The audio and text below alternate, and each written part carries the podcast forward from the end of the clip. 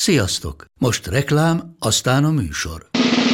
A műsor, valamint az élményekkel teli utazások, személyre szabott ajánlatok és állandó kedvezmények támogatója a Molmove hűségprogram.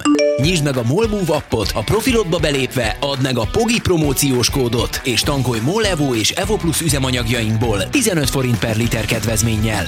Ne feledd, a Pogi promókóddal most még jobban megéri Molmove tagnak lenni. Vége a reklámnak, jön a műsor.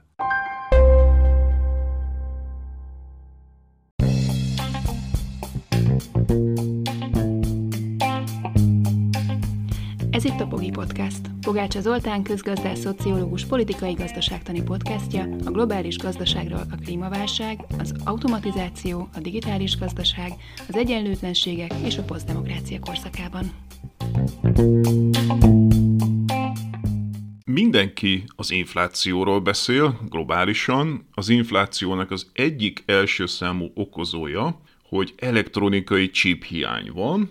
Az is kiderült, hogy sokkal több elektronikát akarnak fogyasztani most az emberek, hogy otthon kell maradniuk, viszont mindenbe chip kell, és nem marad autógyártáshoz és egy csomó minden máshoz. Mi okozza ezt? Miért lett ennyire koncentrált chipgyártás? Tulajdonképpen egyetlen országról, Tájvánról és azon belül is egyetlen gyártóról, a TSMC nevű cégről szól a cikkek túlnyomó része. Hogy lett ez így, hogy szemben a közgazdasági könyvekkel, amelyek sok szereplős versenyről beszélnek, a magas minőségű csipeknél gyakorlatilag szinte egyetlen globális gyártó van. Miért nincsenek Európában gyártási kapacitások? Mikor fogja Kína utolérni a világot ebben, és meghaladni, lesz-e magas minőségű kínai chip, és hogyha lesz, akkor tényleg visszafordíthatatlan technológiai előnyre tesz szert Kína. Ezekről és ehhez hasonló kérdésekről fog szólni a mai adás.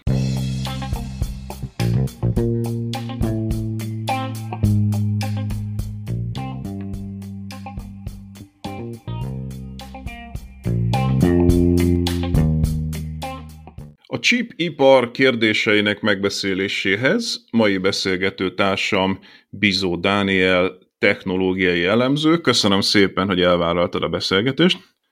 Szervusz Zoltán, köszönöm, hogy itt lehetek. Alapvetően arról szeretnék veled beszélgetni, hogy mi is egy chip, milyen célokat szolgál, vagy miért van benne most már mindenben, miért van belőle kevés, mit okoz ez, hogyan lehetne azon változtatni, hogy kevés van belőle, és hol van világszerte chipgyártás, és hol nincsen, szóval ilyen típusú kérdésekről. Uh-huh. De szerintem egy ilyen beszélgetésnél a legelső kérdésnek biztos, hogy annak kéne lennie, hogy mi is egy chip. Tehát nem vagyok biztos benne, hogy mindenki, aki hallgat minket, az pontosan tudja. Nyilván hallott már chipről, meg azt is tudja, hogy benne van a számítógépben, meg valószínűleg azt is tudja, hogy már lassan minden ilyen elektronikus kütyűben van, de hogy pontosan mi egy chip, és mit csinál egy chip, azt nem mindannyian tudjuk, úgyhogy arra hmm. kérnélek, hogy kezdjük ezzel. Jó, rendben. A kérdés az nagyon az jogos és jó. Szerintem nincs, tehát ez, ebben a keretben a, egy podcastban ezt, ezt nehéz teljességében elmondani, mert valójában maguk a csipek részben azért nehéz megérteni őket, mert, mert nincsenek szem előtt, ugye ezek be, beépítjük őket mindenféle más termékbe, tehát hogyha ha csak valaki hobbi szinten nem e, épít mondjuk számítógépet vagy elektronikai eszközöket, akkor nem nagyon találkozik e, csipekkel e, így, így, így, így a kezei között. Ez az egyik. A másik pedig az, hogy valójában a, a, a csipek, a chipgyártás, én, én, én általában ezt, ezt, erre úgy szoktam gondolni, hogy ez talán az emberi civilizáció, vagy az emberi technológiának a legbonyolultabb megnyilvánulása Persze lehet ezzel vitatkozni, hiszen a csipeket belépítjük más termékekbe, tehát akkor lehet azt mondani, hogy de hát akkor még bonyolultabbak, hiszen csipet is használnak, és még mást is.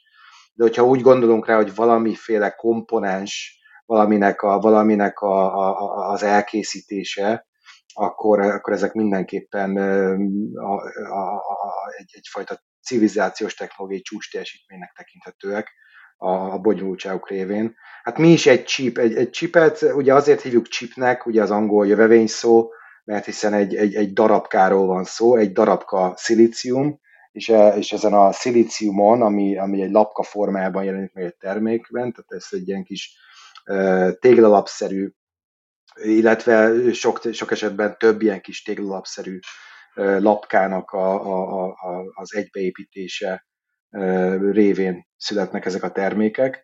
Tehát, tehát ezt így kell elképzelni mondjuk egy, egy, egy nyers valójában, és ezeken a lapkákon alakítunk ki levilágítási, ugye litográfiai, hogyha valaki jártas mondjuk a fényképezésben, ugye régen ugye, a, amikor szó szerint filmre fotóztunk, akkor ez ugye levilágítási, ugye a, a nyomdaiparban ez egy mai napig létező fogalom.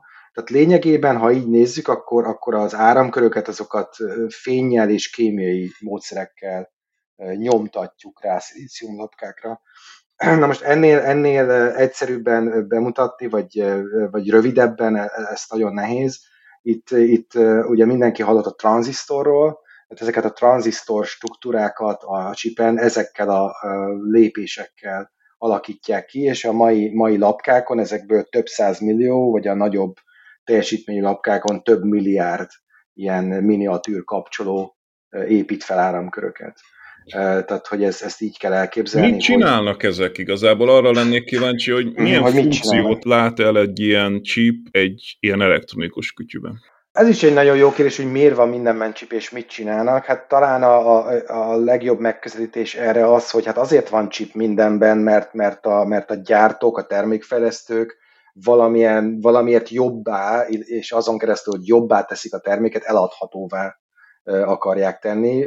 Persze ez kicsit megkerüli magát a kérdést, hiszen vannak olyan termékek, amelyeknek a lényege maga az, hogy, az, hogy elektronika és chip, tehát nem jobbá teszünk valamit, tehát mi gondoljunk a, a, a, az okostelefonokra, vagy a számítógépre, a laptopokra, tehát azoknak a lételeme, hogy valamit csinálunk vele. A csipek három alapvető funkciót látnak el, ami számunkra a legfontosabb, ezen kívül van még rengeteg más támogató funkció, de ugye, hogyha számítástechnikailag közelítjük meg, akkor van a, van a, a, a maga a, a számítás, tehát a, a feldolgozás része, van az adattárolás, és van a, van a kommunikációs része. Tehát, hogy egy, ha mindenkinek a kezében manapság van okostelefon, tehát egy okostelefonban a, a fő alkotóelemek az egy processzor, tehát ez, ez, a, ez, a, ez futtatja a, a szoftvert, az alkalmazásokat, tehát az operációs rendszert, az appokat, amiket letöltünk, ezek természetesen adatot is hordoznak magukkal, ezeket tárolja a telefon másfajta csipeken, amelyek adatokat tárolnak, illetve hát kommunikál a telefon a rádiós hálózaton keresztül, vagy USB-s felületen át, ezek pedig a kommunikációs csipek. Ezek, ezek tipikusan teljesen más gyártástechnológia, teljesen más tervezési elveket követnek, más gyártók készítik őket, és ezeket tehát nyomtatott áramköri lap, lapra egy integráló ugye magyarul nyáknak mondja a szakma, tehát egy nyákra rakjuk, és akkor ezek így integrálódnak, vagy így integrálják őket a gyártók. Ezen kívül persze van még rengeteg más, akár több száz miniatűr chip is egy okostelefonban, és erre rá is említeni is fogjuk majd szerintem később, hogy ezek miért fontosak, mert ezek nélkül nincs telefon, tehát lehet, hogy érdekesek, de, de, de, de szükségünk van olyanokra is, amelyek mondjuk a kijelzőt vezérlik, az áramellátást vezérlik. És Amikor a hétköznapi ember gondol számítógépekre, vagy egyéb ilyen elektronikus dolgokra, azt azt hiszem, azt már megtanultuk, hogy van benne processzor, memória, meg vannak ezek a kommunikáló eszközök, tehát akkor nem tévedünk nagyot, hogyha azt gondoljuk, hogy mindegyikben chip van. Mind a háromhoz kell chip, a processzorhoz is, a, a memóriához is, és ahhoz is, hogy kommunikáljanak. Igen, tehát nem, igen, tehát kell hozzá a funkcióhoz, ez egy jó megközelítést, ugyanakkor arról is szó van, hogy ezek maguk a csipek végzik el ezeket a funkciókat, tehát nem támogatnak egy funkciót, hanem ők maguk végzik el, tehát az adatokat egy, egy, egy telefonban, illetve manapság szinte az összes például laptopban az adatokat, tehát ahol tároljuk a fotóinkat, a, a szoftvereinket, a, a videókat, a dokumentumaikat, azok mind csipeken vannak, tehát nem támogatja a chip, mint mondjuk lehetett volna azt mondani, hogy a chip az csak támogatja mondjuk egy merevlemeznek a, a, a, az adattárolási funkcióját, ugye talán több ember találkozott még ugye régen mondjuk például hajlékony lemezzel, flopikkal, merevlemezekkel, Ugye régen ezek, ezek, ezek, amikor az emberek még többségében az asztali gépeket otthon építették, akkor ez, ez, ez sokkal inkább látványos volt, de e, ezek, ezek, ezek az adattárolási technológiák, azt nem akarom mondani, hogy a merevlemez elavult, mert ez nincs így, de a merevlemez eléggé visszaszorult a, a, a személyes számítás technikában és az otthoni adattárolásban, mert chip, chipen tárolt, az úgynevezett flash memóriának a fejlődése jutott arra a pontra, hogy, hogy a, legtöbb, a legtöbb számítógép már csipeken tárolja az adatokat, mert kisebbek, kevesebb energiát fogyasztanak, és tehát akkor ma már a memóriában is csipek vannak inkább, mint... Igen, igen, igen, igen, igen. Illetve igen, jó, a memória az pedig, a, az most számítástechnikák belemeltünk, ha ez érdekes, hogy ugye legalább kétféle memória chip van egy számítógépben, vagy egy telefonban. Van az a memória chip, amelyik a processzort közvetlenül szolgálja ki adatokkal, tehát ahol gond, úgy gondoljunk rá, hogy ahol, ahol, ahol a feldolgozás történik, akkor az ott a közvetlen raktárkészlete a processzornak, tehát ott, ott onnan dolgozik, ott futtatja a szoftvereket, illetve van, van a nagyobb raktár, amit lassabban ér el a processzor, és nagyobb, nagyobb adattömegeket mozgat át onnan egyszerre, tehát bető, áttölti a másik memóriába esetleg, az pedig a flash. És jól gondolom, ez a RAM meg a ROM közötti különbség, vagy nem? Hát a RAM az első, amit leírtam, igen, tehát ez, ez onnan ered, hogy tetszőleges elérésű, véletlenszerű elérésű memória, tehát hogy bármilyen kijövő, menő adatot a legkisebb, leg, legkisebb byte szinten is tud kiszolgálni. Igen, az a RAM. A, a ROM is van a, a, a telefonokban, sőt a számítógépekben is. Ezek tipikusan az alap, tehát azt szolgálják, hogy el tudjon indulni maga a számítógép de amire utalok, a, a, a, a flash, az az, a, az, az úgynevezett NAND csipek, ez, ez megint egy szőszetétel, itt a logikai felépítésére utal, és ezek azok, amelyek elterjedtek az elmúlt tíz évben, és ugye SSD-k, SSD néven, illetve hogyha valaki vesz egy telefont, és látja, hogy mondjuk 32 GB, 64 GB, 128 GB, az, az erre a NAND kapacitásra utal, és ez az, ami, ez az a funkció, ami mondjuk egy laptopban átvette a, ugye laptopban mondjuk inkább már ilyen 200-500 gigabájtos Ezek is csipek. Ezek mind csipek, ezek mind csipek, és ezek sokszor már nem is, már nem is külön termékként érkeznek olyan szinten, hogy ugye meghajtónak hívtuk ezeket, mint a merevlemez, ugye a merevlemez is egy meghajtó, ugye ez az, az ipari zsargon, hogy ugye nehéz ezt hétköznapi nyelven érteni, mi, mi, mit, mit hajt ez meg, ugye meghajtóknak hívtuk, de ma már a, a, a, a legtöbb számítógépen ez, ez, vagy sok számítógépen ez már teljesen integrálva egy, egy nagy alaplapra hétköznapi nyelven, egy nagy alaplapra integrálják, tehát a processzor, a, a RAM memória, a, a, a NAND memória, ahol ugye átvette a merevlemez helyét, és a többi kommunikációs chip minden, az egy ilyen alaplapra egymás mellé rá, rá van forrasztva végeredményben. Világos. Na most a következő kérdés, ami logikusan adódik, hogy ugye tele van a sajtó azzal, hogy de hát nem csak komputerben, meg mobiltelefonban vannak csipek, hanem ugye rengeteget cikkeznek arról, hogy ma már autókban, sőt, Igen. mosógépekben, és ugye az ember nehezen tudja elképzelni, hogy ezekben a nem számítógép jellegű dolgokban mit keresnek ilyen mértékben csipek. Egy-kettőt el tud képzelni, de ugye olyat lehet olvasni, hogy egy autóban akár ezer, ezret meghaladó számban vannak csipek. Mit csinálnak ezek? Hát ez egy nagyon jó kérdés, nem vagyok autóipari szakértő, de ugye visszakanyarodunk oda, hogy, hogy ezeket azért építik bele a, a, a gyártók az elektronikát egy-egy termékbe, akkor legyen az autó a példa, mert ki, a, kettő oka van elsősorban. Az egyik, hogy eladhatóbbá teszi a terméket, vonzóbbá a vevő számára, tehát gondoljunk az egyre nagyobb színes érintő kijelzőkre mondjuk egy autóban, ahol tudunk zenét lejátszani, tudunk most már ugye sok, sok esetben, hogyha leparkolunk, akkor videót enged lejátszani, akkor navigáció, navigáció bele van építve, akkor információt gyűjt nekünk arról, hogy maga az autó milyen nem tudom, teljesítmény jellemzőkkel bír, vagy éppen ahogy vezetünk, az, az, az, az milyen fogyasztást generál. Tehát, tehát rengeteg ilyen funkciót, ami, ami, ami, amivel vonzóbbá teszi a, a fogyasztó számára. Ennek van egy olyan oldala is, hogy ez nem csak maga a fedélzeti számítógépet szolgálja, hanem magát az autót is jobbá, hatékonyabbá teszi, tehát ugye ezek olyan szenzorok, amik figyelik az autónak az egészségét, figyelik a keréknyomást, figyelik a, a, a motornak a, az egészségi állapotát, tehát a hőmérsékletet figyelik, és a többi, és a többi. És ennek van egy másik oldala, amit pedig kényszerből építik, építenek bele, ugyanis például, ha gondoljunk csak a, a, a kibocsátás körüli korlátozásokra, tehát ugye az Európai Unióban kifejezetten szigorúak ezek a dízel, ugye a dízel botrány is lényegében azért volt, hogyha emlékszel és emlékeznek a hallgatók az elmúlt pár évvel ezelőtti dízel botrányra, amikor a, elsőben ugye német gyártók ugye lebuktak, hogy buheráltak a, az autóknak a vezérlésén, hogy a teszteken jobban átcsúszanak, és kedvezőbb minősítést kapjanak, és kedvezőbb adóbesorolást kapjanak az autóik. Ezért, ezért volt egy olyan titkos módja számítógép vezérlésnek az autóikban, amelyet, amelyet be tudtak kapcsolni tesztelési üzemmódba.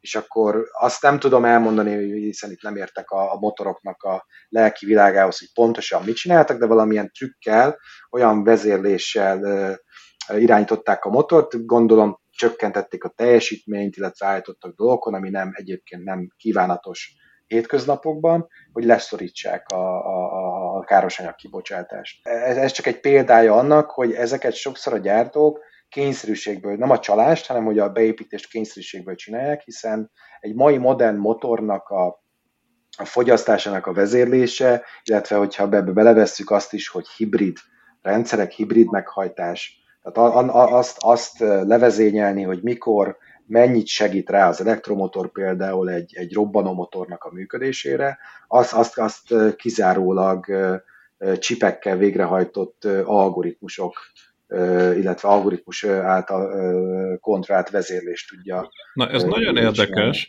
Mit csinál egy mosógépben a chip?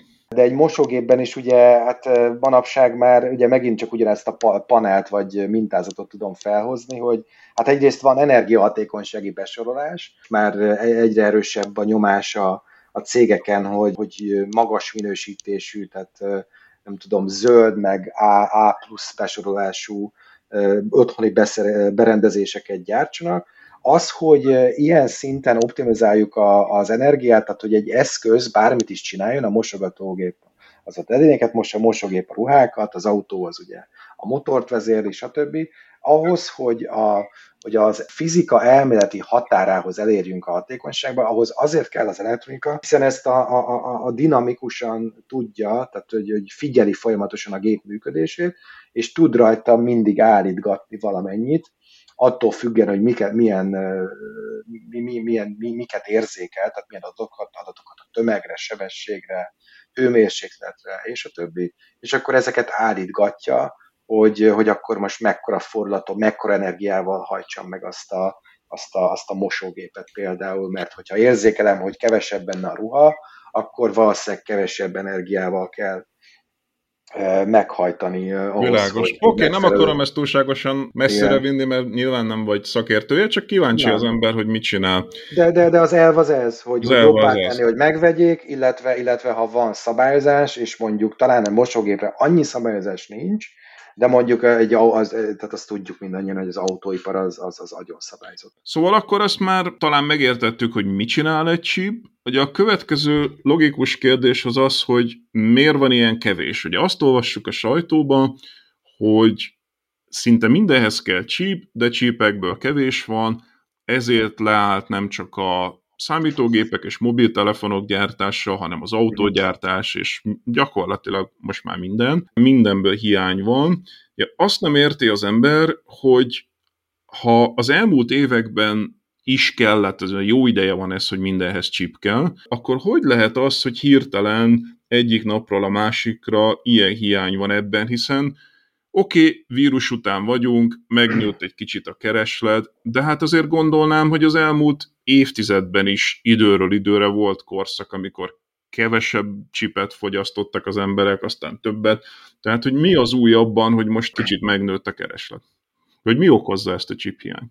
Tehát ezt nem egy dolog okozza. Tehát az egyik, az egyik amit, amit mindenképpen, hogyha már a csipekkel kezdtük, érdemes fejbe tartani, bármikor, amikor olvasunk híreket csipekről, hogy legyen az üzleti vagy technológiai, hogy ezeket a csipeket legyártani, ezek a gyárak, ezek csillagászati összegekbe kerülnek. Tehát ez itt kezdődik, hogy maga egy, mod, egy modern csipüzem, és ugye ebből nem egyféle van, hanem ugye, ahogyan korábban már leszögeztük, van többféle chip, tehát ahhoz többféle gyártási funkcióra van szükség, illetve gyártási folyamatra. Tehát itt kezdik, és, és, és a leg, legolcsóbb is, nincsen, hogy olcsó chipgyár, de a leg, legkevésbé földbe döngölő chipgyár is több milliárd dollárba kerül felépíteni ma, hogyha újat akarunk építeni. A legdrágábbak, amik a legfejlettebb technológiát használják, és a leg, legbonyolultabb csipeket állítják elő, a, itt elsősorban a processzorokról van szó, tehát a, a számítógépek processzorai, a, a, a videókártya, hogyha a hallgatóid között vannak játékosok.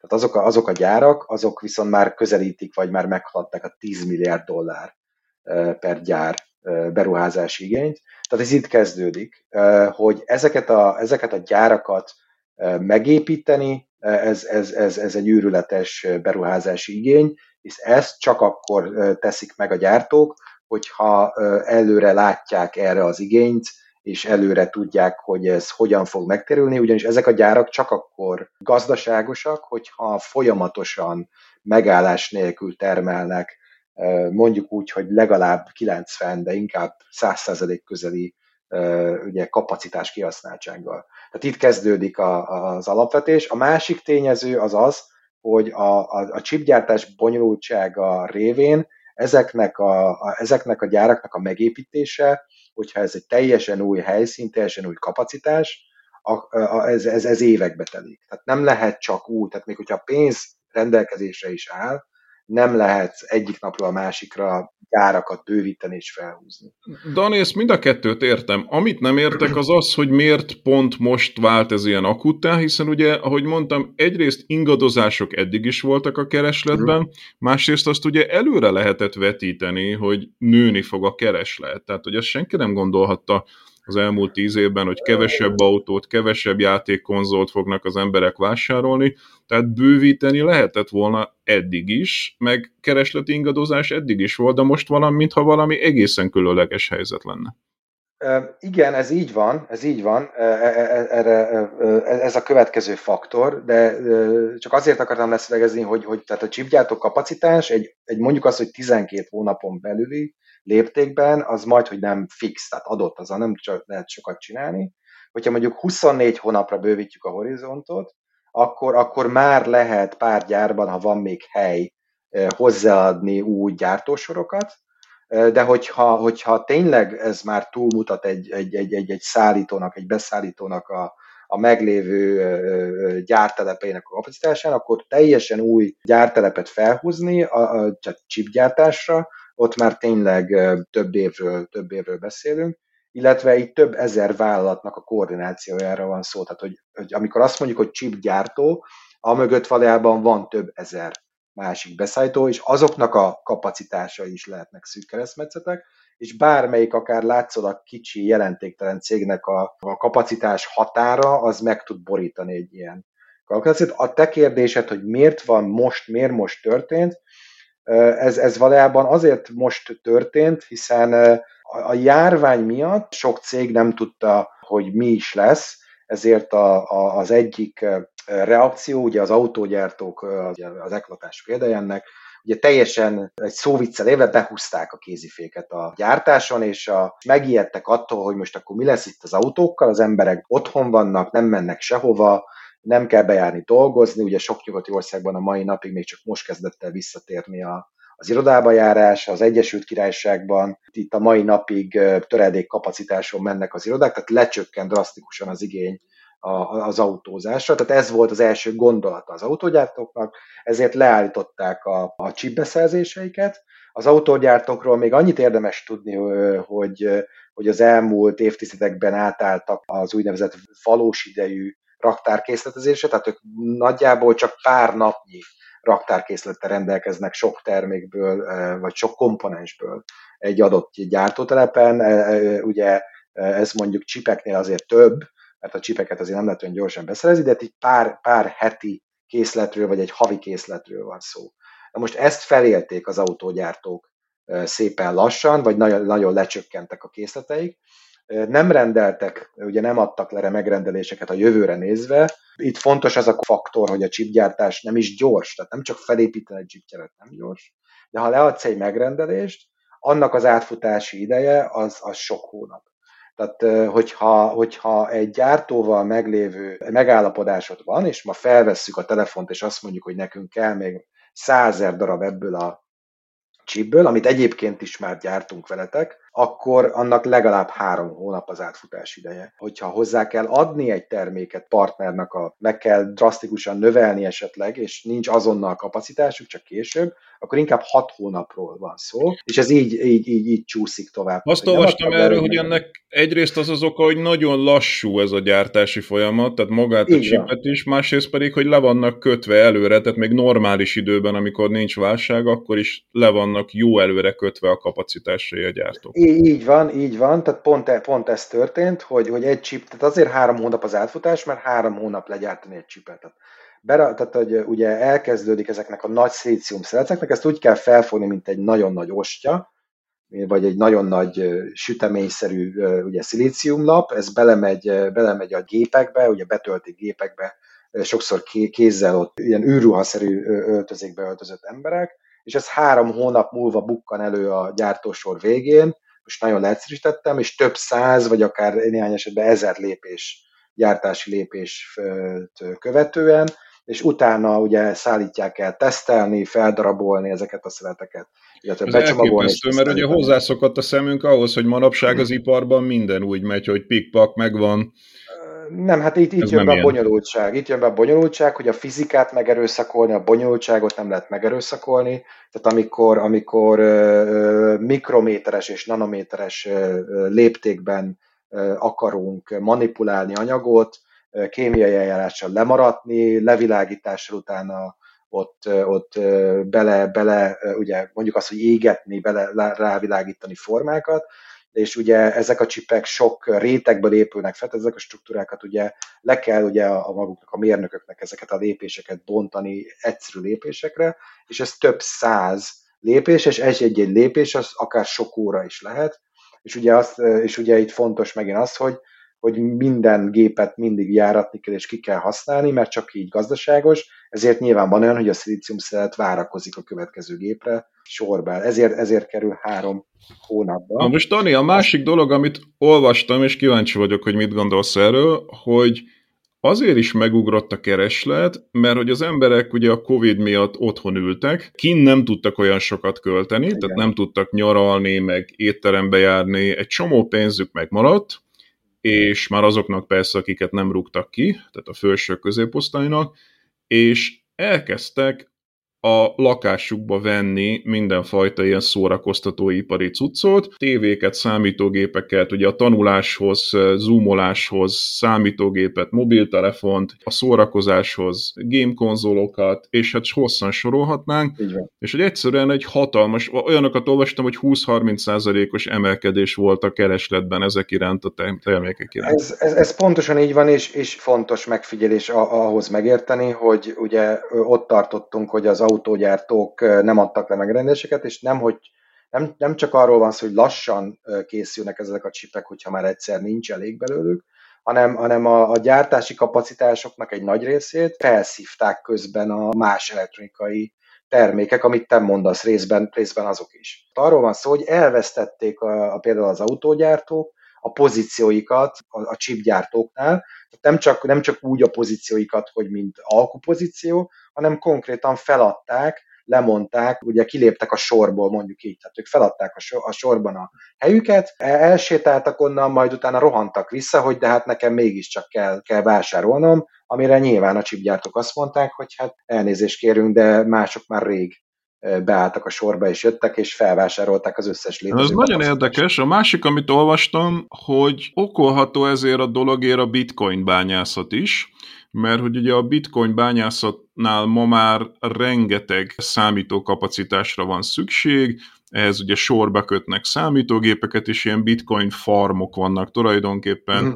és hogy ez is leköt óriási chip kapacitásokat. Ez így van, persze én itt, itt azzal vigyáznék mindenképpen, hogy, hogy, hogy a bitcoint vagy bármelyik másik kriptovalutát így, tehát hogy azokat okoljam egyedül azért, mert hiány van, mert valójában bármelyik részét a, a, a fogyasztásnak tehát rá lehet bökni, és ki lehet kiáltani okozónak, de ez mindenképpen így van, tehát a bitcoin bányászat, a, a kriptovaluta bányászat, ugye az, az, az, az rengeteg elektronikai kapacitást fel tud szívni. Csak talán egy a... mosógép hasznosabb, mint egy kriptobánya. Hát ebbe, ebben én nem tudok véleményt nyilvánítani, ez, ez nézőpont kérése. Igen, tehát hogy társadalmilag igen, ez szerintem vitathatóan, de kijelenthető, hogy egy mosógép hasznosabb.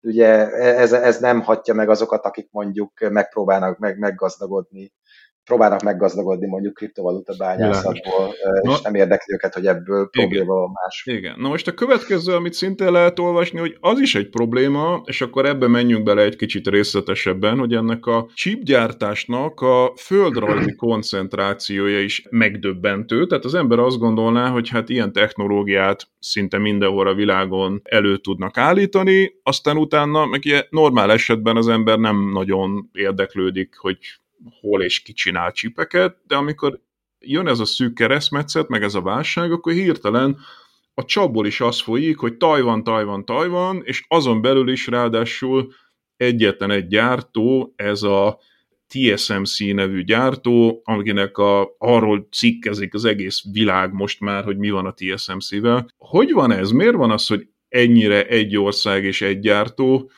Nyilván nem ilyen egyszerű a helyzet, de valamiért mégis ez sugalja a, a, az mm-hmm. üzleti sajtó. Ez azért van így, mert a, a, a chipgyártás, tehát több, többféle fő kategória van, tehát, me, tehát memória, processzor, stb. A TSMC az a cég, amelyek, amikre utalsz, az a, a processzor típusú csipeknek a, a bérgyártásában világelső. Szinte mondhatni, hogy, hogy megkérdezhetetlenül vezeti technológiailag a piacot is ez, hogy miért, miért pont Tajvanon, ez, ez szerintem túlmutat talán a, a, a mai podcast keretein. Mindenképpen benne van az a, az dinamika, hogy a chipgyártás az ugye a, a komplexitás és a költség vonzata révén egy kicsit olyan, mint a hegylakó sorozat, vagy a hegylakó franchise, tehát hogy csak egy maradt. Van egy olyan jelenség, ami véghúzódik az elmúlt 50 éven, hogy az a gyártó, amelyik nagyobb piacrészesedéssel tud üzemelni, több bevétele van, több profitot termelni,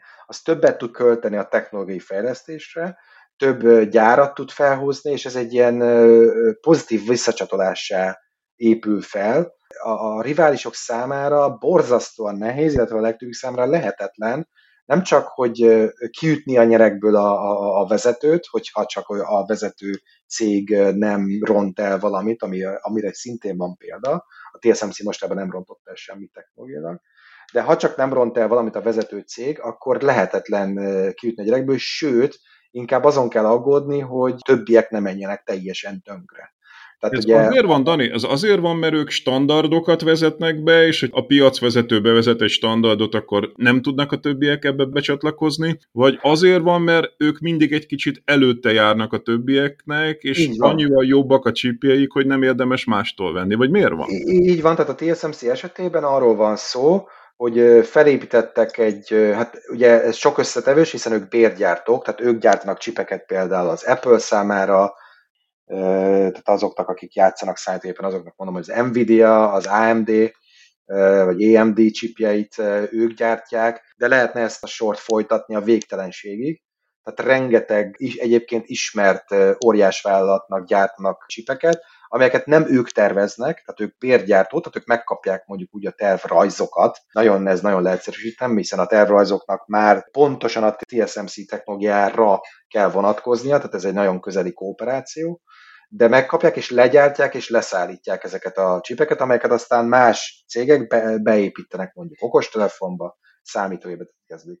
Hogy miért a TSMC? Azért, mert ők voltak azok, akik lépés előnyt tudtak szerezni évtizedekkel ezelőtt, tehát még a 90-es években, 2000-es években, a riválisaikkal szemben, tehát akik más bérgyártókkal szemben. Ez az egyik és mindig ugye sikeresen tudtak jó, jó gyártástechnológiát időben megfelelően lefejleszteni, amely megfelelt az ügyfeleiknek, illetve egyre több ügyfélnek volt alkalmas, ez az egyik. A másik faktor pedig, amit ugye ez a hegylakó faktor, hogy 30 évvel ezelőtt sokkal-sokkal több vállalatnak volt saját csipüzeme. akár 20 évvel ezelőtt is, még mondjuk az AMD-nek is volt, ugye processzorgyártóról van szó, volt, voltak saját chipgyártó üzemei. Ezeket el kellett adniuk, mert nem bírták fenntartani a, a beruházási igényt, nem tudtak lépést tartani, ugyanúgy, ahogy az IBM is például kiszorult, a, ugye sokáig vezető volt chip technológiában és chipgyártásban, és manapság már csak fejlesztési, tehát egy laboratóriumi szinten tartanak fönn chip, chipüzemeket, tehát nem tömegtermelésre. Tehát ez tovább erősítette a TSMC-nek a pozícióját, hogy ezek a cégek, amik már nem tudták megengedni maguknak, hogy saját maguk gyártsák, ezek mind vitték az üzletet a TSMC, ami azt jelentette, hogy még több pénzük volt, még több nyerességük lett, és még többet tudtak költeni, még több embert tudtak felvenni kutatásfejlesztésre. Ez még ellentmond a standard közgazdasági könyveknek, amik ugye azt sugalják nekünk, hogy a kapitalizmus az azért marha jó, mert ott nagyon sokan versenyeznek, és a verseny miatt olcsóbb és jobb lesz minden. Ehhez képest itt meg azt látjuk, hogy hát ilyen monopólium, vagy legalábbis oligopólium van ezen a piacon. Egyszerűen természetesen kialakul egy ilyen, tehát még csak hibáztatni sem tudjuk őket, hiszen amiket leírsz itt, azok teljesen természetes folyamatoknak tűnnek. Régen jártam már iskolába, de, de nem ezt hívjuk, szerint, szerintem ezt hívjuk természetes monopóliumoknak, nem? Tehát, hogy a maga, magának a piacnak a természetéből fakadóan, tehát a technológiai fejlesztési igény, ami már tehát csak a technológiai fejlesztés kerül több milliárd dollárba manapság, ez mondjuk pár millió volt 20-30 évvel ezelőtt. Egy modern üzemnek, chipgyártó üzemnek a felhúzása az mondjuk 30 évvel ezelőtt volt mondjuk Szerintem kevesebb, mint 1 milliárd dollár, ma már 10 milliárd dollárról beszélünk. Én értem, Tehát, amit hogy, mondasz, de ugye hagyományosan a természetes monopólium az olyas valami, mint például a vasút, ahol ugye nem érdemes egymás mellé 20 vasúti sínt fölhúzni, uh-huh. eh, hanem ugye akkor a különböző vasúti cégek ugyanazon a sínen közlekednek, de a csípgyártásra, meg általában Lehet. elektronikára nem szoktunk uh-huh. úgy gondolni, hogy az természetes monopólium, tehát ahogy leírod, az azzá válik, de hát ugye ezzel a logikával nagyon-nagyon sok iparág úgy úgymond természetes monopóliumá válhat, hiszen ezek a méretgazdaságossági előnyök, Igen. ezek a technológiai előnyök, ezek tulajdonképpen olyan iparágokba is, amiket azért hagyományosan nem úgy jött az eszedbe, hogy ez természetes monopólium, pont az a megdöbbentő, hogy ezek is azzá válnak nem tagadom, hogy ez, ez, ez esetleg furcsa, vagy hogy ez ugye, az kétségtelen, hogy ez szűkíti a, a, a versenyt, és csökkenti a versenyt. Persze most óvatos vagyok, mert lehet, hogy elmélet mikroökonomiai megközelítéssel nem pontosan használom ezeket a fogalmakat, hogy, hogy most ez valójában hasonló-e bármilyen szinten, mint mondjuk a vasút, de az én szememben nem különbözik azért, mert ugye a vasútnál is azért nem csináljuk ezt, mert hát kidobott pénz az ablakon, hogyha duplikáljuk, de ez valahol ugyanígy, ami nem térülne meg, ugye a megterülés nincs mögötte. De a chipgyártásnál ugyanez van, csak a chipgyártásnál még bejön az a tényező is, ami talán a vasútnál kevésbé erősen jelenik meg, az pedig a technológiai fejlesztésnek a, a, a természetszerű drágulása és igénye. Tehát, hogyha megfordítjuk ezt az évrendszert, nem azt mondjuk, hogy ez, ez, ez magát, önmagát gerjesztő tehát természetes monopóliummá fejlődő iparág, hanem megfordítjuk, és azt mondjuk, hogy jó, de itt akkor is legyen, nem tudom, tíz ugyanolyan szinten lévő gyártó, vagy száz, akkor egyszerűen arról van szó, hogy az a technológiai szint, amin ma vagyunk chipgyártásban, az nem létezhetne. Persze, persze, egy ilyen... persze, persze, én értem, amit mondasz, csak ugye ez egy kicsit ellentmond a, a versenyről alkotott fogalmunknak. Menjünk egy kicsit a tervezés irányába. Ugye említetted korábban, hogy a TSMC hát csak részben tervez, de igazából nem ő tervez. Ugye a chip tervezés az egy külön sztori, egy külön e, történet, és akkor ugye erről olvas az ember, ott is úgy tűnik nekem, hogy ott is eléggé oligopolisztikus a helyzet, ott amennyire én tudom, ilyen brit meg holland cégek vezetik globálisan ezt az iparágot, tehát hogy ott is eléggé koncentrált a, a, a piac.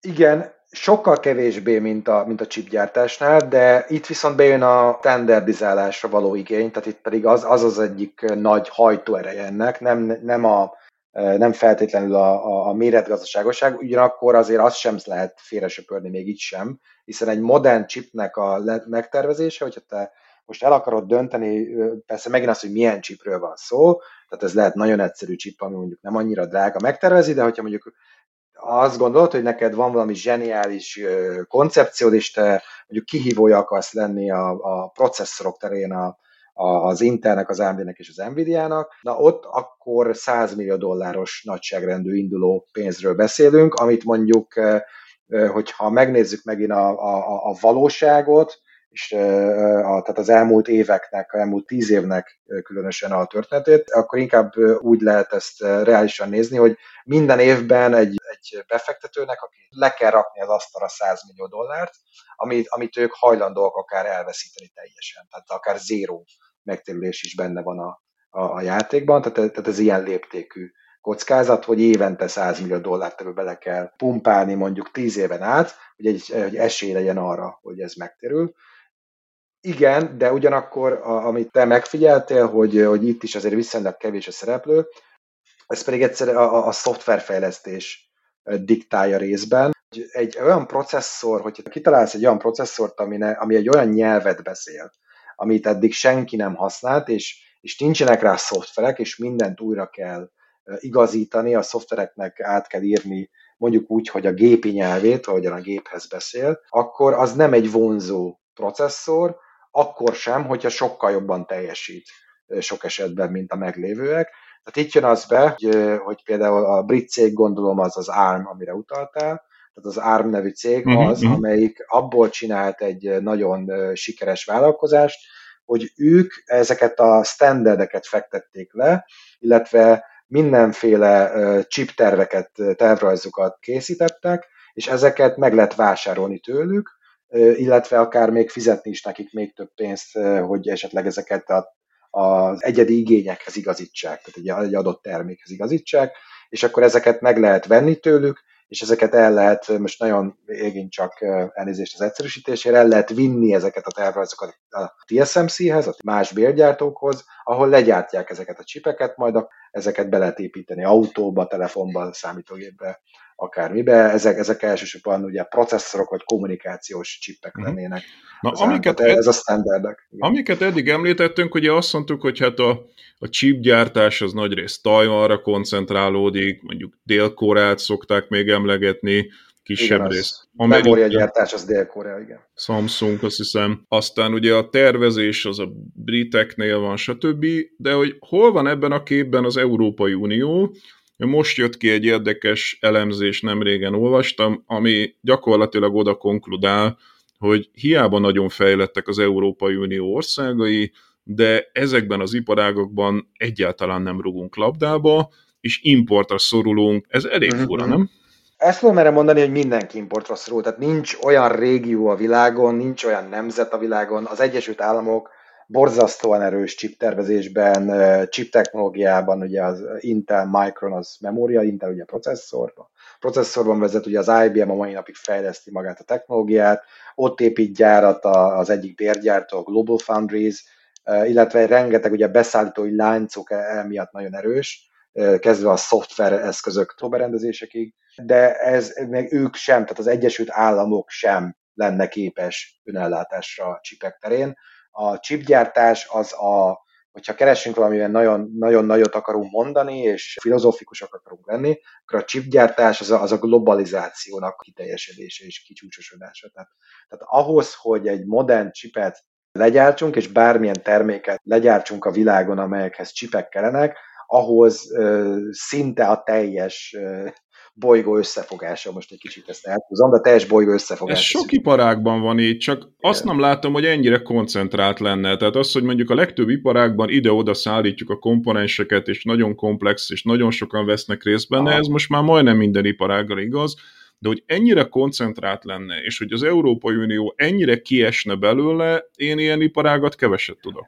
Az Európai Unió nem esik ki teljesen ebbe, sőt, tehát ez, ez, ez, ez túlzás, csak az Európai Unió, vagy az Európán Unión belül nincsenek olyan egyébként közismert vállalatok, másodszorban olyan vállalatok, amelyek versenyeznének ennek az egész területnek a, a csúcs technológiájánál. Tehát, hogy, tehát, hogy csúcs technológiai gyártás mai szemmel az nem nagyon van Európában, ennek, ennek megint egyébként ez sem teljesen igaz, mert Írországban például az Intelnek vannak technológiai gyárai, illetve tervezik fejleszteni, hogy a legújabb technológiát hozzák Írországba, de persze az egy amerikai Az igazából vállalat. amerikai. Ja, ja, ja. Igen, az egy amerikai vállalat, igen, igen de vannak európai központú fejlesztő gyártócégek. Ezek, ezek kevésbé ismert területeken mozognak, de például az autógyártásban nagy beszállítói, tehát chip beszállítói hálózatok vannak Európán belül is. Csak ezek nem a csúcs technológiát Oké, okay, csak akkor ugye az a kép, hogyha egy kicsit egy ilyen vendéglátás analógiát ráerőltethetek a chipgyártásra, akkor ugye vannak hát ilyen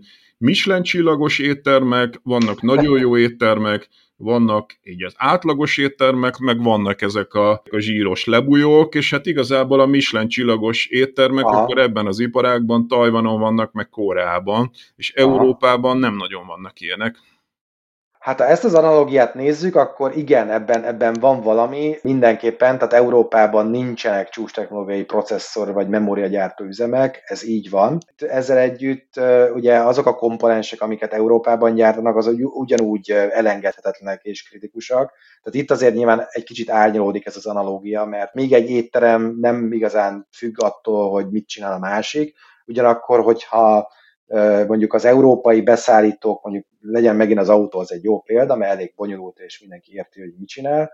Hogyha az autókat nézzük, hogyha mondjuk az európai beszállítók, ugye az NXP Hollandiával, az Infineon, ezek a beszállítók nem tudnak olyan terméket szállítani, ami kell egy autó legyártásához, akkor hiába van csúcs technológia Tajvanon és Koreában, azokkal nincsenek, nincsenek bejebb az autógyártók. Tehát nem tudják helyettesíteni. Tehát ezek speciális alterületei a csipgyártásnak, specializációról van szó, mely különféle igényeket szolgál ki. És itt még egy gondolatot hadd szúrjak be, csak nagyon röviden, hogy amikor a, a, a hiányról beszélünk, a chiphiányról, az pont érdekes módon elsősorban nem a, a chipgyártás Michelin csillagos részein jelentkezik a legerősebben, hanem a közétkeztetésnél. Tehát, hogy ez az egyáltalán nem érdekes, nem szexi, senkit nem érdekel, az újságok nem írnak róla, mert nem lehet jó sztorikat írni, mert hiszen ez nem csúcs technológia, mert itt nincsen milliárdos profitról szó feltétlenül, vagy valami őrületes lépésről, hanem ezek a, ezek a kevésbé érdekes, mondjuk kijelzővezérlő miniatűr kontrollerek, a motorvezérlő kontrollerek, a, a, a szenzorok egy autóba, amik belemennek, vagy, vagy más. Tehát, tehát ilyen csipekből van a legsúlyosabb hiány, illetve ha még kevésbé érdekes területre akarunk menni, akkor, akkor alapanyag szinten vannak bizonyos területeken súlyos hiányok. Azok az anyagok, amelyek ahhoz ahhoz kellenek, hogy mondjuk ugye ezeket a csipeket, ezt úgy mondjuk, hogy becsomagolás, tehát packaging, tehát becsomagoljuk, ezt, ezt utána ezt a csomagot, amiben a chip lakik, ugye sokszor ez egy ilyen kerámia, nem doboz, egy kerámia ugye, felülete alatt lakik, és egy ilyen foglalatba ültetik bele, és ezek az összetevők sokszor, amikből hiány van a, ezekből a fémekből, kerámiából, alapanyagokból és ezért nem tud haladni a csíkját. Na azért erőltetem én igazából ezt a nagy régiók közötti versenyt, mert ugye közben meg azt látjuk, hogy hát egy iszonyatosan erős konfrontáció lett a csipek területén Kína és az Egyesült Államok között. Mert ugye korábban az volt, amit leírtunk az előbb, hogy hát azt gondoltuk, hogy majd mindenki szépen békésen együttműködik, Kína lesz a világ gyártója, Amerikába terveznek dolgokat, és ez majd így szépen el fog működgetni. Mondjuk Európa már ebbe a tervbe se volt nagyon benne. De az elmúlt években, főleg Trump alatt ugye azt láttuk, és igazából Biden egyelőre nem sokat változtatott ezen, hogy egy bizonyos ponton az amerikaiak azt mondták, hogy ez most így nem annyira jó nekünk, mert a kínaiak kezdenek bizonyos technológiákban a fejünkre nőni, és elkezdték megtagadni tőlük többek között a chip technológiát is, és most ugye minden arról szól, hogy a kínaiak tudnak-e, és hogy mikor fognak tudni olyan csipeket gyártani, amivel tulajdonképpen a globális versenyben megkérdőjelezhetetlenül előre törnek, tehát most már nagyon sok cikk arról szól, hogy ha egyszer képesek lennének Michelin csillagos csipeket is gyártani, akkor tényleg nincsen visszaút, akkor olyan globális tech dominanciája lesz Kínának, hogy nem kell megvárni azt, hogy egyfőre jutott GDP-ben megelőzze az usa hanem sokkal hamarabb a világ legerősebb országává válik. Ez nagyjából így van, jól összefoglaltad a geopolitikai hátszrét ennek a, ennek, ennek a, a, a folyamatnak. Igen, tehát az amerikaiak nem nézik jó szemmel, hogy van egy másik, mondjuk úgy, hogy világhatalom, vagy nagy, nagy hatalom, amely kihívó tud lenni a globális szintéren. Sokáig az, az Egyesült Államok Kína politikája abból állt, hogy egy kicsit ez az ilyen naív optimista, hogy, hogy hát ugye ahogyan fejlődik az ország, ahogyan gazdagszik, majd úgy egyre szelidebbé válik majd ez az egész sztori és ez a rezsim, tehát nem lesz konfrontáció, hanem majd meglátják ők is a fényt a, a kapitalizmusban és a, és a demokrácia útjában, és ezért ugye egy demokratikus állam az, azt mondja nekünk a politika elmélet és a geopolitika, hogy az az kevésbé veszélyes és jobban lehet középszerű stabilitásra ott számítani, tehát nincsenek őrületes kilengések, illetve jobban lehet diplomáciailag kapcsolatba lépni egy olyan hatalommal. Tehát ennek a teljes ellentéteit látjuk kifejlődni a, az elmúlt, hát megint csak az elmúlt tíz évben erősödött ez fel. A mai kínai rezsim ugye eldurvult az azt megelőző húsz évhez képest is, nem csak világpolitikai ambícióban, hanem belpolitikai is eldurvultak. a kapcsolatban én itt azért nagyon óvatos vagyok, mert én annyit tudok erről, mint bárki más, olvasom az újságokat, de hogy ugye nekik a külpolitikájuk is a belpolitikáról szól, hogy mutatni kell a nemzeti erőt és a büszkeséget, a gazdasági érdeket is ugye akarják tolni, és ennek a megnyilvánulása a külpolitika. Most ezt az amerikaiak nem akarják, tehát az gyakorlatilag, ami, amit valamilyen szinten elkerülhetetlen, azt az amerikai késletetni akarják az elkerülhetetlen. Rájöttek arra Washingtonban, hogy ennek az egyik területe, ennek az egyik komponense az a chipgyártás. És ez azért van, mert a chipgyártás megint csak a természetes bonyolultságánál fogva, és az ott lévő speciális szaktudásnál fogva ha ott ütjük a kínaiakat, az tényleg fájni fog, és ez így is van. Mitől ilyen speciális terület ez, Dani? Mert ugye én értem, hogy nagyon magas technológia, ugye azzal kezdted, hogy ez talán az emberiség történetének a legmagasabb technológiája. De hát ugyanakkor ugye a kínaiak most már olyanokra képesek, hogy mondjuk van egy saját nemzetközi űrállomásuk, az elmúlt hetekben befutotta a világ sajtót ez a hír, hogy valami szuperszónikus fegyvert indítottak el, amiről az amerikaiak egyelőre csak találgatni tudják, hogy ez hogy működik. Vannak elképesztő számítógépeik, meg mindenfajta AI kapacitású. Mm. Tehát tel is tele van a sajtó azzal, hogy a kínaiak ma már saját jogon, saját fejlesztésben egy csomó területen ötödik generációs mobil mm. szolgáltatás világvezetők. Miért annyira nehéz ezekhez a technológiákhoz képest, tehát hogy a Kína ezekre mind-mind-mind képes, miért annyira kérdéses az, hogy pont a csipeknél meg nem? Több összetevője van. Az egyik az, hogy a termékek szintjén Kína mindenképpen, tehát korábban kezdte meg a, a, egyrészt a felzárkózást, tehát itt már inkább 30 évről van szó. Kínába települt át az évtizedek alatt ugye sok terméknek a gyártása, tehát ilyen szempontból megfigyelni azt, hogy mondjuk a nyugati vállalatok, vagy a japán vállalatok ezt hogyan csinálják, és ugye onnan utána, hogyha egy kínai cég elhalászott embereket és felvette őket, most nem is kell feltétlenül ipari kémkedésről beszélni, csak egyszerűen magát a tudást utána megvette, aki ott dolgozott, meg látták, hogy ezek a technológiai folyamatok hogy mennek, hogyha egy másik amerikai vagy a európai japán cégnek akarták lemásolni a termékeit, ugye ezt meg lehet venni a mondjuk úgy a boltban, a szétszeded, a csipeket valójában át lehet fűrészelni keresztbe, át lehet világítani mindenféle mikroszkóppal, tehát ki tudod elemezni, hogy, hogy mit csinálnak, lefuttatod rajta a szoftvert, nézed, hogy hogy. Tehát fel tudod térképezni, és tudsz tanulni abból, hogy mit csinálnak más előtte járó vállalatok. A chip technológiában az a, a két nagyon nehéz dolog van, az egyik, hogy nem, ez nincs szem előtt maga a technológia. Tehát csak azért, mert egy csipet megveszünk, és megnézzük mikroszkóp alatt, abból tudunk következtetni arra, hogy milyen lépések és milyen módszerekkel gyártják, illetve tudunk szakmai, akadémiai publikációkat erről olvasni, de utána ennek az alkalmazása, ennek a receptje, az még nincs kész. Tehát a receptek, mondom, több száz lépésből állnak, több ezer összetevőt kell beszerezni, és itt jön be az összetevőknél az a faktor, hogy Kínát az Egyesült Államok, és ugye az Egyesült Államok képes arra, hogy a, mondjuk úgy, hogy az akaratát azt az egész világra mondjuk úgy rákényszerítse gazdasági dimenzióban is, tehát hogyha ők azt mondják, hogy ezt a terméket, ezt a technológiát nem lehet eladni kínai vállalatnak, akkor ugye először is felmerül a kérdés, hogy de hát ezt hogy gondolják, hogy megmondják nekünk, európaiaknak, mert megmondják az európaiaknak is, hát ezt úgy mondják meg, hogy nincs ez a cég a világon szinte, amely megengedheti magának, hogy elveszítse a teljes amerikai piacot. Tehát, hogyha egy chip technológiában utazó cég bármilyen komponens szállít, és ha neki azt mondja az amerikai, mondjuk azt, hogy külkereskedelmi minisztérium, hogy nem adhatod el, akkor nem fogod eladni, ha csak nem akarod elveszteni a hozzáférést a teljes amerikai ezt én értem, Dani, de ezt valószínűleg ugyanúgy el lehetett volna mondani ezt a történetet annak idején. Az ötödik generációs mobil szolgáltatás esetében, ahol elvesztették ezt az előnyüket, ezt ugyanúgy el lehet mondani a, a igen, igen, de hogy, minden más technológiában is.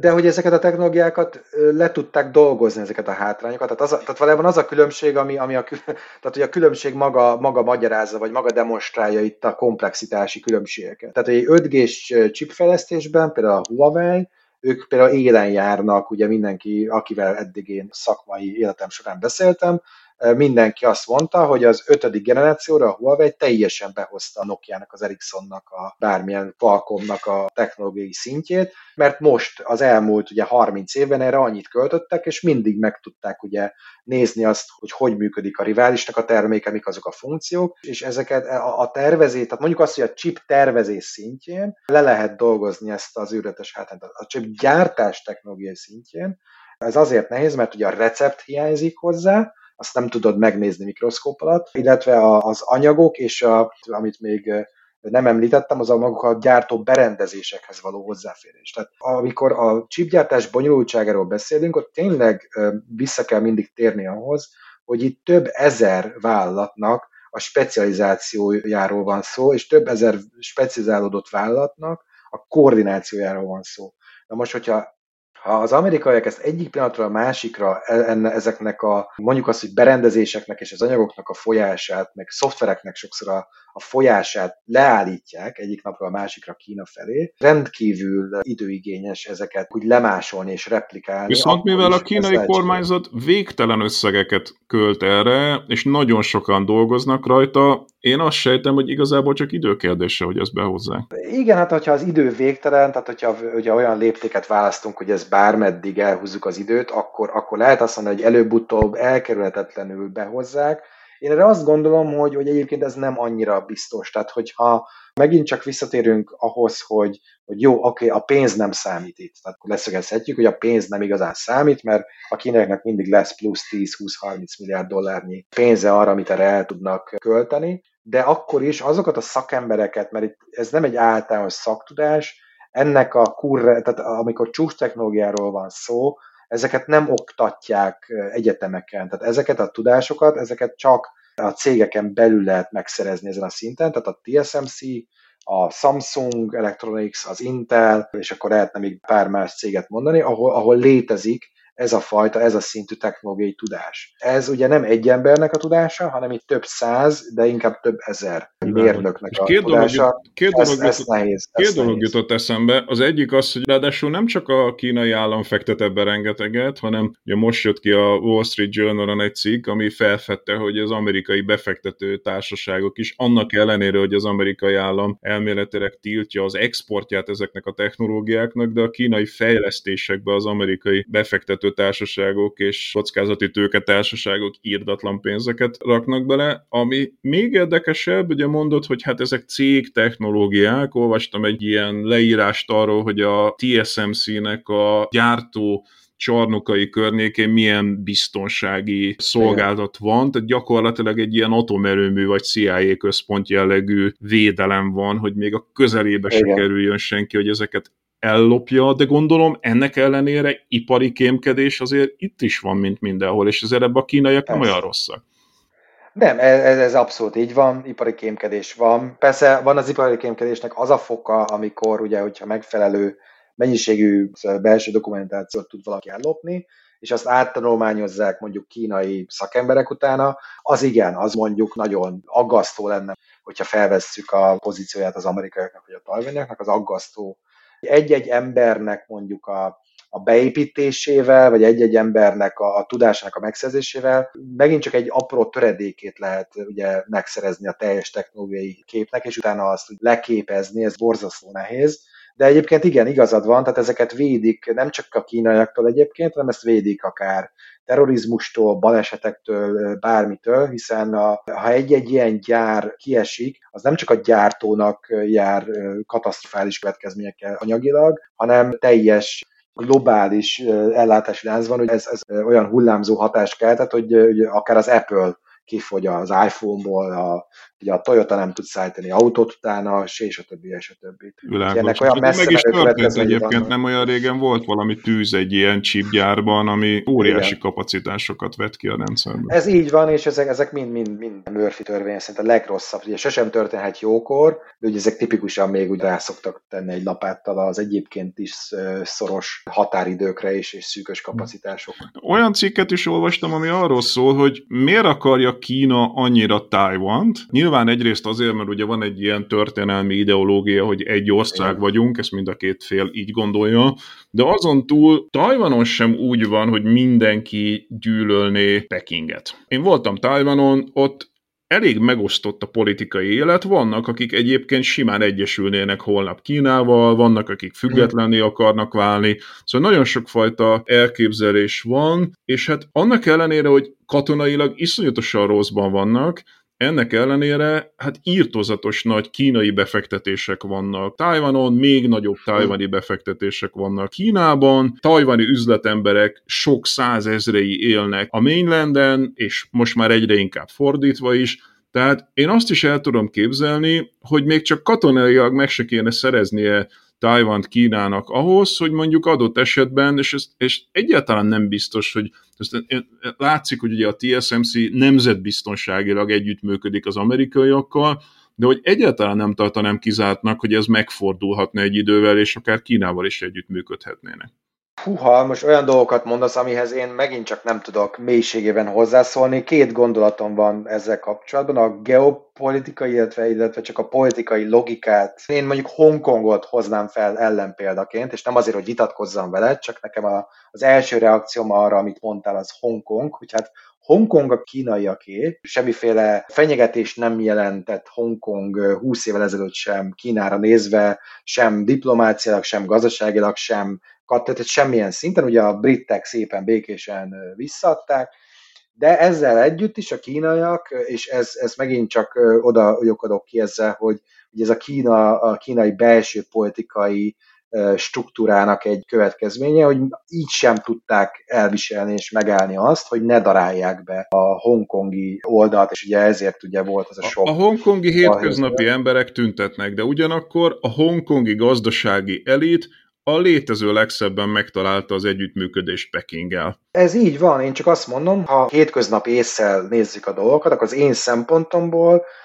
egyrészt semmi értelme nem volt és nincs annak, amit Kína művel Hongkongban és Hongkonggal, mert semmit nem nyertek vele, semmilyen oldalról, illetve kontraproduktív. Tehát, hogyha azt mondták volna a hongkongiaknak, hogy legyetek egy ilyen félautonóm térség, és csináltak azt, amit akartok, ti Kínához tartoztok, szabadon utazhattok Kínába, illetve a kínaiak egyre szabadabban utazhatnak Hongkongba, és így szépen lassan majd egyesülünk, mindig a határon nem tudom, egymás keblére emeljük egymást. Én nem hiszem, hogy, hogy e, e, ezzel bármit feladtak volna, de ezzel együtt is nem tudják elviselni annak vonalatát, hogy tőlük független, akár csak ellentmondó vélemények legyenek, és ez szerintem megint csak az a belpolitikai igény, hogy nekik belül mondaniuk kell, hogy ez az egységes Kína, egy Kína üzenetet, és ezt, ezt, ezt folyamatosan harsogja a média, és ugyanakkor ezzel ugye belenavigálta magát, és minden rezsim belenavigálja magát abba a zsákutcába, hogy tévedhetetlenek. Világos, Tajvan, világos, világos. Tajvannal ugyanez van, hogy nem tudják azt felvállalni, ugye főleg azért nem, mert ez ugye a, a maoista forradalomig vezet vissza ez a történelmi törés, ugye ahogyan tanítják a történelmet Kínában, ahogyan ez az egész fejlődött. Ugye ez, ez gyakorlatilag a missziója, a kínai rezsim egyik önigazolása, és hogy miért nem lehet itt ellentmondás belül, és miért nem, mert hogy egy missziója van a Kínának, ez pedig a Kína megosztottságának a megszüntetése, tehát egyesítés, illetve a múltbéli történelmi megaláztatásoknak a, a helyreállítása. Világos, ez, ez, világos. Ez okay, a másik gondolat az pedig nagyon gyorsan, hogy szerintem a kalkuláció Tajvannal kapcsolatban és a, és a csippekkel kapcsolatban azért nehéz, mert azt gondolom, hogy a, az amerikaiak egyébként azzal, hogy elkezdték korlátozni a, nem csak a technológiai hozzáférést, hanem ugye például a Huawei ilyen áldozati bárányként használják, hogy nem férhetnek hozzá például a TSMC-nek a, a gyártókapacitásához, vagy külön engedéllyel férhetnek csak hozzá, illetve külön engedéllyel vásárolhatnak csak csipeket mondjuk az Intel-től, vagy az AMD-től, vagy a, a bármilyen cégtől, aminek amerikai technológia van a termékében, és hát persze egy chipben mindig van amerikai technológia. Én azt gondolom, és ez tényleg csak az én személyes, egyébként hozzá nem értő véleményem, hogy ezzel az amerikaiak valójában nagyon veszélyes játékot játszanak, hiszen én azt gondolnám, hogy amíg a kínaiak szabadon hozzáférnek például a tajvani technológiához és üzleti élethez, addig az valójában egy fékező erő a kínaiakra nézve. Abban a pillanatban, hogy az amerikaiak azzal fenyegetnek, hogy mi ezt elvesszük tőletek, akkor elindul egy kalkuláció a kínai oldalon, hogy akkor, ha ez megtörténhet, akkor nekünk arra mi a válaszlépésünk, és ezt mi megengedjük-e, és van-e olyan együttállása a geopolitikának, a katonaságnak, a katonai helyzetnek, amikor elhisszük azt, mi kínaiak, ez egy ilyen visszanemtérő történelmi lehetőség, hogy lerohanjuk Tajvan. Világos. És, és én azt gondolom, hogy ez egy, ez egy nagyon veszélyes logikus, játék. Logikus. logikus. Egy utolsó kérdést engedj még meg. Tudom, hogy nem könnyű, de arra szeretnélek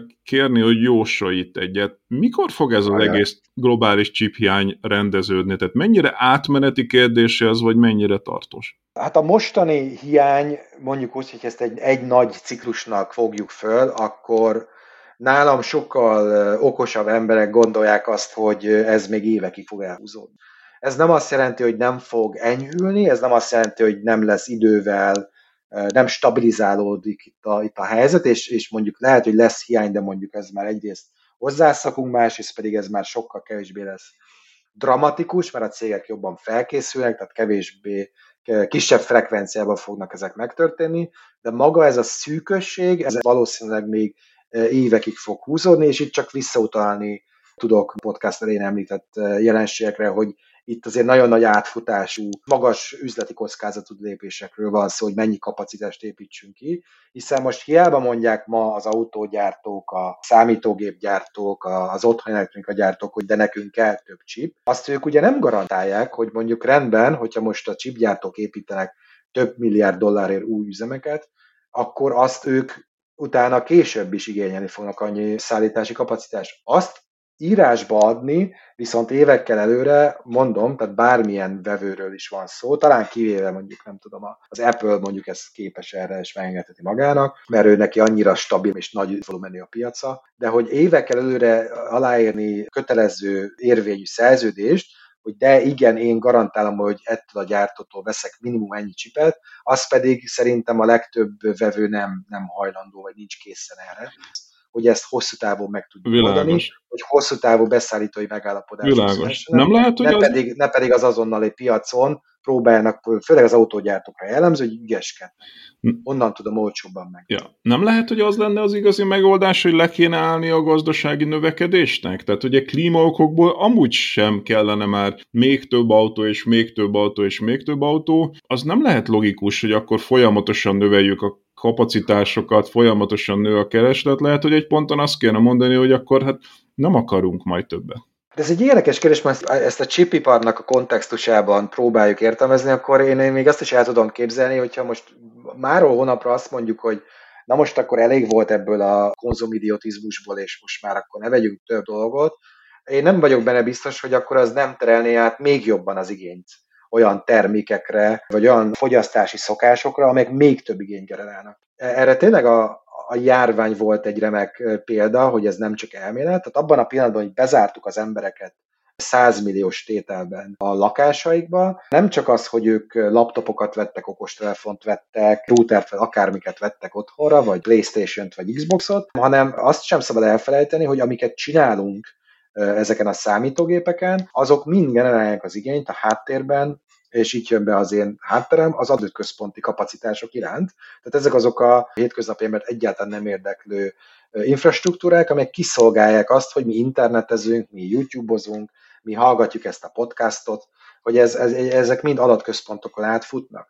Na most, hogyha tényleg azt mondjuk az embereknek, hogy ne fogyasszatok fizikai termékeket, és akkor ugye a Facebook az, azért, hogy elterelje a figyelmet a belső botrányiról, most bedobta a a zavarosba ezt a meta, metaverzum nevű dolgot. Ez számomra egy disztopikus jövőkép, de, de én, én, én azt gondolom, hogy ennek van realitása, hogy a társadalmak nagyon nagy részét be fogja akkor szippantani a, a virtuális valóság, hiszen az ember aktivitás által vezérelt lény, rengeteg dolgot pótcselekvésként csinálunk azért, mert valójában unatkozunk, és ez valójában az unatkozásnak egy formája, és akkor, hogyha mindannyi több száz millió vagy milliárd ember virtuális valóságban tölti a, a hétköznapjait, az olyan bődületes számítási, informatika kapacitásokat fog lekötni, ami szerintem lehet, hogy még jobban meg fogja terhelni a csipiparnak a kapacitásait. Szóval ebből a szempontból ez egy, érdekes, tudom. ez egy érdekes meglátás, hát ezt most már ebbe az adásban nem fogjuk tudni kibontani. Eltelt egy óra, úgyhogy igazából, bár nyilván ezt nagyon hosszú ideig lehetne még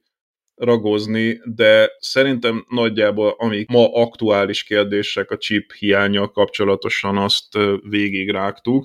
Én nagyon szeretném megköszönni neked, hogy ebben segítségemre voltál. Én köszönöm a lehetőséget, Zoli. Bizó Dánielt hallottátok, aki technológiai jellemző Londonban, és a globális chip problémát elemeztük.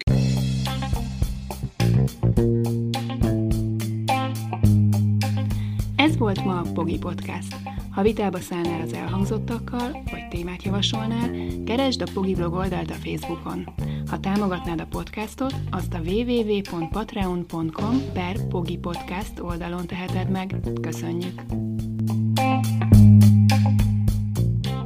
Ha más podcastekre is kíváncsi vagy, hallgassd meg a Béton műsor ajánlóját.